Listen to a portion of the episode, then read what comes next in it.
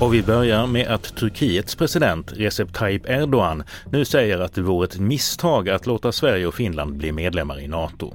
Han sa också på den tv-sända pressträffen att de nordiska länderna är en fristad för terrorister. Vår korrespondent Therese Kristiansson kommenterade Erdogans uttalanden i TV4-nyheternas livesändning. Kommer Turkiet att lägga in sitt veto? Det här kan mycket väl bara vara ett sätt att trycka på eh, Sverige då, och, och, även Finland för att se till att få, få någonting i utbyte helt enkelt. Och mer om Sverige och Nato. För idag presenterades regeringens säkerhetspolitiska analys och den bedömer att NATO-medlemskap ökar säkerheten för Sverige. Den blir ett viktigt underlag för Sveriges beslut om huruvida vi ska gå med i försvarsalliansen. Den nya säkerhetsanalysen har tagits fram tillsammans med riksdagspartierna men Miljöpartiet och Vänsterpartiet reserverar sig när det gäller delar av innehållet.